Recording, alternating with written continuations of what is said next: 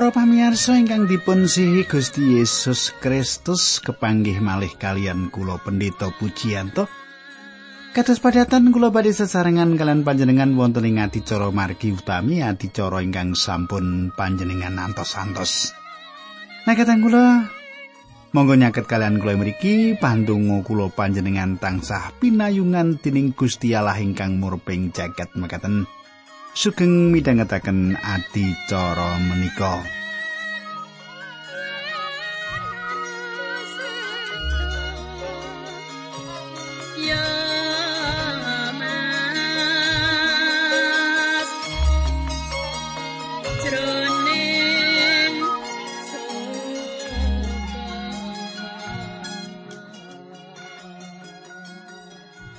Kadang kula kula suwun panjenengan tasih kemutan menapa ingkang kula aturaken ing dinten kepengker.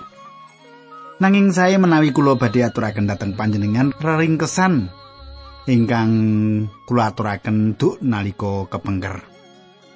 Wonten ing pepanggihan kepengker kula sampun ngaturaken bilih kita nyemak Paulus sampun dumugi wonten ing Efesus lan Paulus nyetakaken kegayutan Gusti Yesus dumateng tiang-tiang ing mriku. Lajeng kados pundi kelajenganipun perangan menika kita badhe nyemak samenika nanging saderengipun monggo kita tumungkul kita ndedonga rumiyin. Duh Kanjeng Rama ingkang ada dampar wonten kraton ing kasuwargan kawula ngaturaken gunging panuwun menawi wekdal menika kawula saged tetunggilan kalian sedherek-sedherek kawula ingkang setya midhangetaken adicara menika. Kawula nyuwun pangandikan ingkang kawula waosaken menika saged dados jalaran panglipuran pambangunan iman lan ugi kegiatan gesangipun sedherek kawula menika. Dinambaran asmanipun Gusti Yesus Kristus kawula ndedonga haleluya amin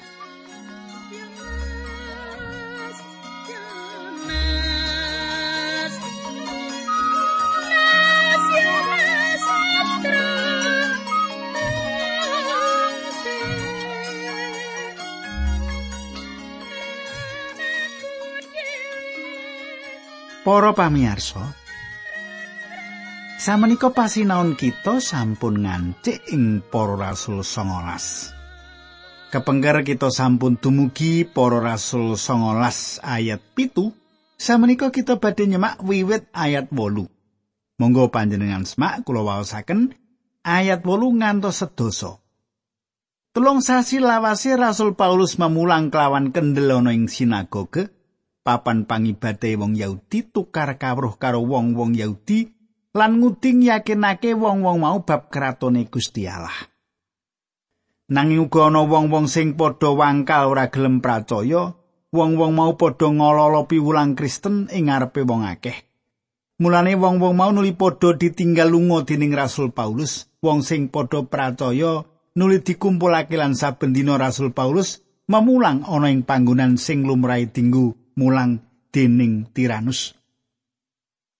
Enggone Rasul Paulus memulang kaya mengkono kuwi nganti rong taun lawase temah kabeh wong sing padha manggon ning tanah Asia, wong Yahudi lan wong bangsa liyane padha krungu pangandikane Gusti Allah.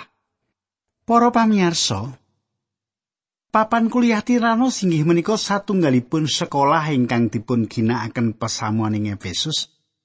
Sadangunipun kalih taun Paulus nggelaraken pangandikanipun Allah. Akibatipun sedaya tiang ing provinsi Asia mirengaken pangantikane Allah. Sae tiang Yahudi ugi tiang Yunani. Lalampahan menika nyukani kita sawetawis gambaran gegayutan pangantikanipun Allah ingkang majeng ing jaman semanten. Cetha sanget saking kahanan ingkang nguntungaken menika gereja ing Kolose ngadeg. Panjenengan persani, Paulus nyerat serat dumateng pesamuan Kolose kados ingkang dipun tindakaken dumateng pesamuan ing Rum saderengipun piyambakipun nuweni tiang-tiang menika. Nanging piyambakipun inggih menika tiang ingkang ngedegaken gereja-gereja menika. Paulus ingkang ngedegaken gereja-gereja menika. Kados pundi kok saged, Pak? Gampilipun saking ruang kuliah Tiranus Injil dipun sebaraken. Nah, saking mriki Injil kasebar dhateng pundi-pundi papan. Tiang-tiang ingkang mirengaken Injil kala wau sasampunipun rampung anggenipun mirengaken Injil ingkang digelar dening Rasul Paulus menika wangsul lan nyebaraken Injil wonten ing lingkunganipun makaten. Nah, saat dangunipun kali tahun Injil dipun sebaraken ngantos sedaya tiang ing provinsi Asia. Mirengaken Injil menika saged ugi pitu gereja ing Asia alit ngatek awit saking khotbahipun Rasul Paulus ing Efesus menika. Ing mriku Paulus gadah satunggal peladusan ingkang ageng. Ing Efesus menika Paulus gadah satunggalipun peladusan ingkang ageng. Samenika ayat 11. Gusti Allah nindakake mukjizat-mukjizat sing hebat banget lantaran Rasul Paulus. Para pamirsa, wonten tembung-tembung ingkang benten ingkang dipun ginakaken ing salebetipun basa Yunani ingkang dipun jarwakaken kitab suci kita minangka mukjizat. Tembung mukjizat saking tembung dinamis. Nek basa Inggrisipun dipun sebat dinamit. Tembung menika ateges satunggalipun tindak ingkang ngandhut panguwas.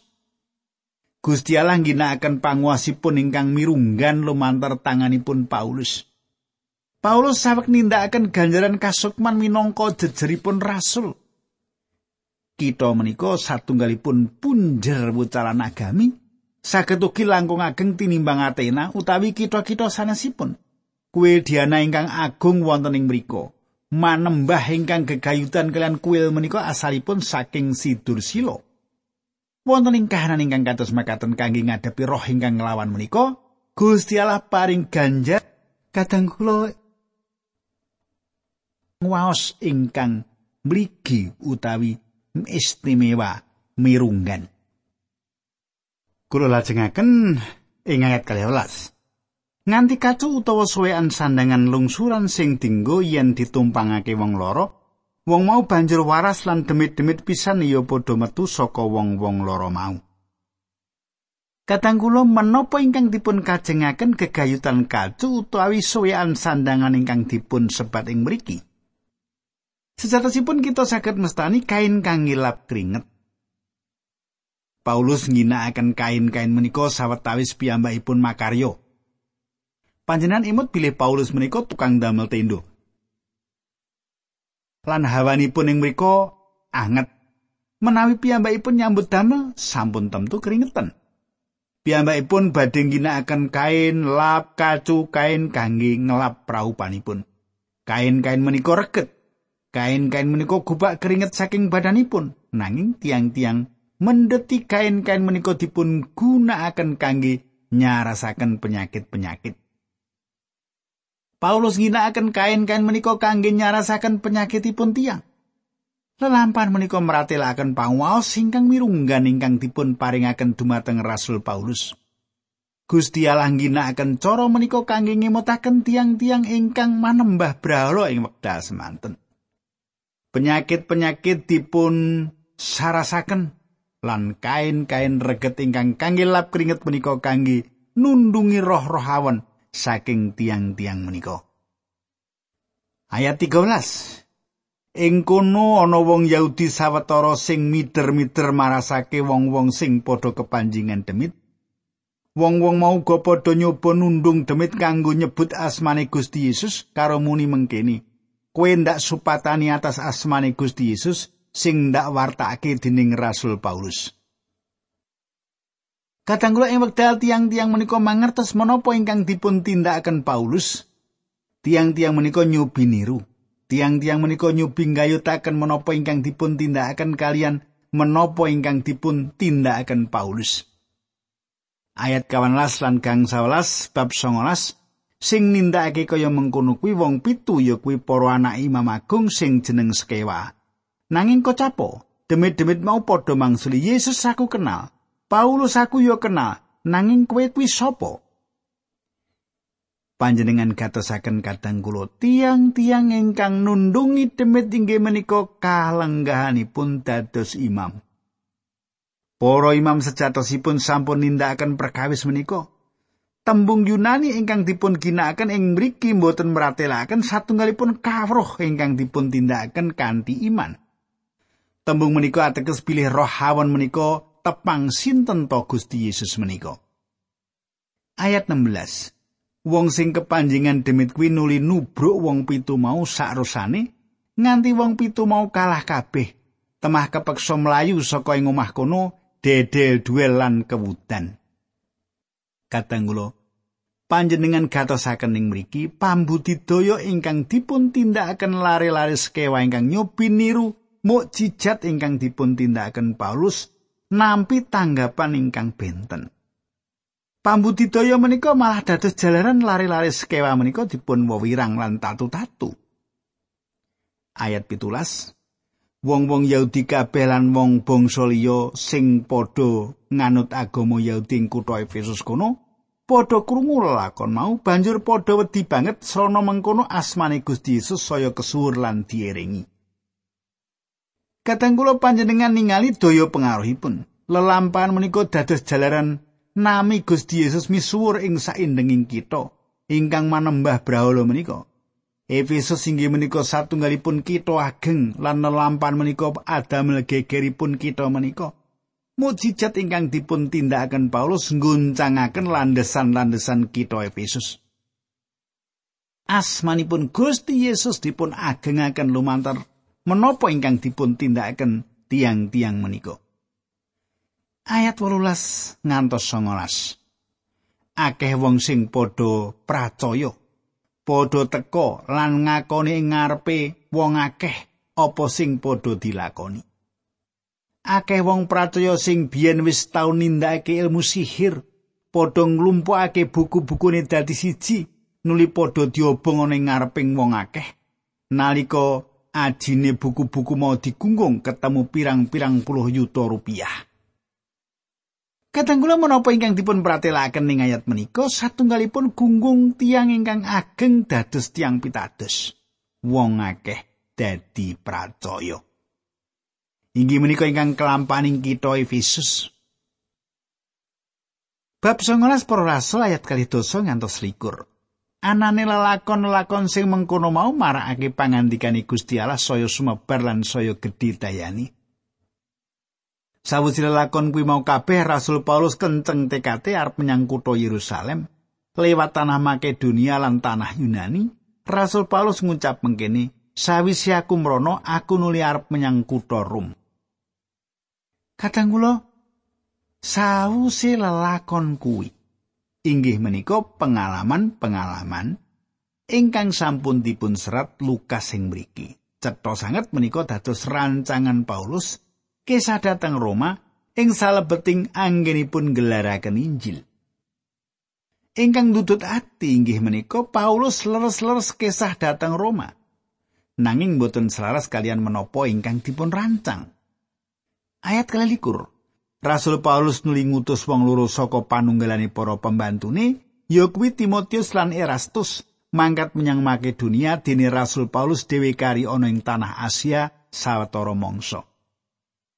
Katanggula saged ugi menika satunggalipun wekdal ing wekdal Paulus nyerat serat dumateng pesamaning Korintus. Timotius lan Erastus mbeta serat menika. Sinaosa serat menika dipun alamataken pesamaning Korintus. Serat menika badhe tumugi ing tiang-tiang Makedonia, ingkang kalebet ugi Filipi lan Tesalonika, ugi gereja-gereja ing Akia, ingkang ugi ngantos Athena lan Korintus. Ing salebetipun serat menika Paulus nyerat bilih kathah kori ingkang tinar buka lan andayani kangge piyambakipun ing Efesus. Nanging wonten kathah ingkang lumawan. Sameneika kita saged ningali bilih tiang-tiang ingkang lumawan menika asalipun saking si pengawak Dursila. Kula lajengaken ayat 33. Nalika semono ana gigiran gedhe ing kutha Efesus jalaran saya ngrembakani piwulang bab dalaning pengiran. Katanggula kekristenan dereng dados merek nami kangge gereja-gereja ing wekdal semanten. Dereng boten gereja Jawi, gereja Baitani, gereja Pentakosta, gereja napa-napa dereng wonten? Dereng wonten merek gereja-gereja dereng wonten nami aliran utawi denominasi jaman semanten. Kekristenan namung dipun sebataken dalaning pengiran. Menika satunggalipun margi enggak. Ing salebetipun Yohanes 18 ayat 6 Gusti Yesus ngendika, "Aku iki dalane marang Gusti Allah." Lan aku sing nuduhake Gusti Allah kuwi sapa lan kepriye kanane aku go sing menehi urip marang manungsa. Ora ana wong siji wae sing bisa suwan marang Sang Rama yen ora lantaran aku. Menika Yohanes 18 ayat 6. Nah, sak menika wangsul dateng para rasul 19 ayat 24. Awit ana sawijining kemasan jenenge Demetrius sing pangupo jiwane nggaweni candi cilik-cilik niru candine Dewi Agung Diana. Dagangane Demetrius mau nekake keuntungan ora sithik kanggo para tukangi. Kadang kula kuil Diana satunggalipun kuil kangge manembah Brahala ingkang ageng lan menika satunggalipun punjering perdagangan. Papan menika ugi satunggalipun punjering saking dosa. tindak amoral ingkang terus dumados ing sakiwa tengenipun papan menika. Kuil menika salah satunggal saking pitung keajaiban jagat saking jaman kino. Menika satunggalipun kuil ingkang ageng piyambak ingkang nate dipun bangun. Kuil menika indah lan dipun renggwa sifat seni nanging reca Dewi Diana lan Artemis dipun singitaken. Reca menika sanes Diana saking Yunani reca ingkang indah nanging Diana saking wetan ingkang kasar lan ngatingalaken susunipun nuwun sewu nggih. Tiang-tiang nyadi reca-reca perakipun lan menika satunggalipun bisnis ingkang ageng. Peladosan Paulus ngrisak usahanipun tiang-tiang menika. Sawenika bab 19 para rasul ayat selawi ngantos 6 likur lan pitu likur makaten. Mulane Demetrius mau nuli ngumpulake para tukangi lan uga para tukang saka kemasan liyani banjur kondo mengkene para kanca sedaya panjenengan sami pirsa bilih panggautan kita menika dados kemasan. Samenika cupi panjenengan persani menapa ingkang katindakan dening Paulus menika piyambakipun sanjang bilih dewa-dewa ingkang dipun damel dening tanganipun manungsa menika sanes dewa saestu. Paulus sampun saged ngiyakinaken tiang kathah mboten namung wonten ing kitha Efesus kemawon nanging ugi ing meh satanah Asia sedaya. Srana mekaten mboten namung panggautan kita kemawon ingkang dipun remehaken nanging ugi pepunden kita Dewi Agung Diana badhe mboten wonten aosipun sarta kaluhuranipun badhe sirna inggih menika kaluhuranipun Dewi Agung Diana ingkang kasembah dening tiang sak tanah Asia lan sak jagat sedaya. Kadang kula panjenengan semak gegeran ingkang dipun tindakaken tukang-tukang perak menika dipun pimpin Demetrius ingkang sejatosipun kegayutan kalian pendamelanipun utawi perkawis rejeki. Tiang-tiang menika damar reca-reca alit menika lan nyade lan usahanipun menika lumampah lancar. Tiang-tiang kalawa dados sugih awit nyade reca-reca menika Efesus satunggalipun punjering dedagangan lan satunggaling papan pangibadah. Ayat 28 ngantos tigang dosa. Bareng krungu tembung mengkono mau, atine wong-wong mau dadi panas nuli wiwit padha bengok-bengok. Kaagung ngono Dewi Diana pepujaning tiang Efesus. Sakutha kabeh nuli geger. Wong akeh mau banjur nyekel Gaius lan Aristarkus, wong-wong Makedonia kancane Rasul Paulus, wong loro mau digelandang menyang alun-alun. Rasul Paulus dhewe uga arep mrono nanging dipenggak dening para sedulur Kristen ing kono. Kadang kula inggih awit menapa ingkang dipun tindakaken Paulus ngantos dipun serang utawi badhe dipun pejahi. Paulus sampun nglampahi lelampahan kados makaten ing daerah Galatia ing wekdal piyambakipun dipun rajam ing Listra. Ayat tigang dosa setunggal, poro panggedene kutha mau sing wis dadi mitrane Rasul Paulus uga padha mrayogake supaya Rasul Paulus aja menyang alun-alun. Kadang kula. Kikiran menika dumados sing tengah-tengah keramian tiang kathah. Para priagung Asia inggih menika pejabat ing bidang politik lan agami ingkang mituturi Paulus supados sampun nyobi ngandikan ing ngajengipun tiang kathah. Para priagung kalawa sanjang menawi boten wonten ginanipun. Ayat tigang dosa kalih ngantos tigang dosa tiga. Kaanane wong akeh mau warsuh banget ana sing nguwuh ngene, ana sing nguwuh ngono, sebab akeh wong sing ora ngerti apa sebabe dheweke melu-melu tekan kono. Ana wong jenenge Alexander dikira wong kuwi sing tanggung jawab mulane sawise tampa keterangan akeh saka wong-wong mau nuli dikon maju ning ngarepe wong-wong mau. Alexander menehi sasmita nganggo tangane arep aweh keterangan marang wong-wong mau. Alexander kadang kula, Alexander saged ugi tiyang pamratobat enggal ingkang wonten ing pihakipun Paulus. Ayat 3 dosa sekawan. Nang bareng weruh yen Alexander kuwi wong Yahudi, wong-wong mau nuli padha bengok sambung sinambung nganti rong jam suwene. Kaagung no Dewi Diana sesembahanipun tiang Efesus. Mbok mali ngaten nggih.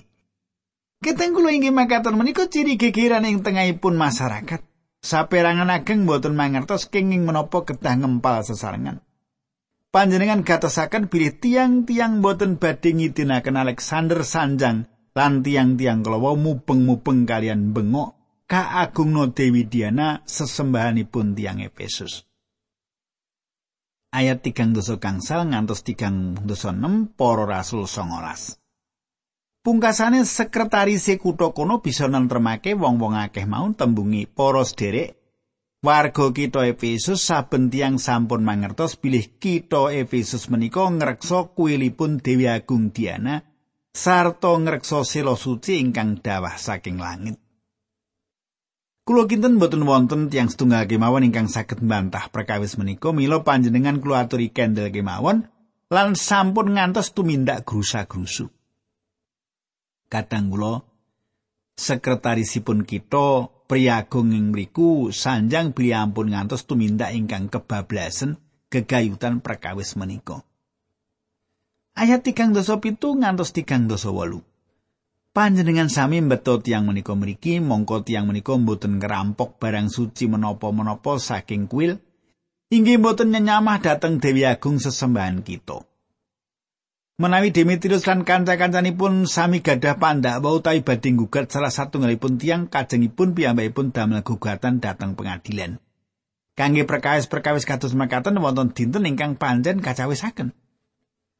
Kadang kula sekretaris kita kalau mau sanjang pilih menawi tiang-tiang ingkang damel reca menika kepengin dakwa secara hukum.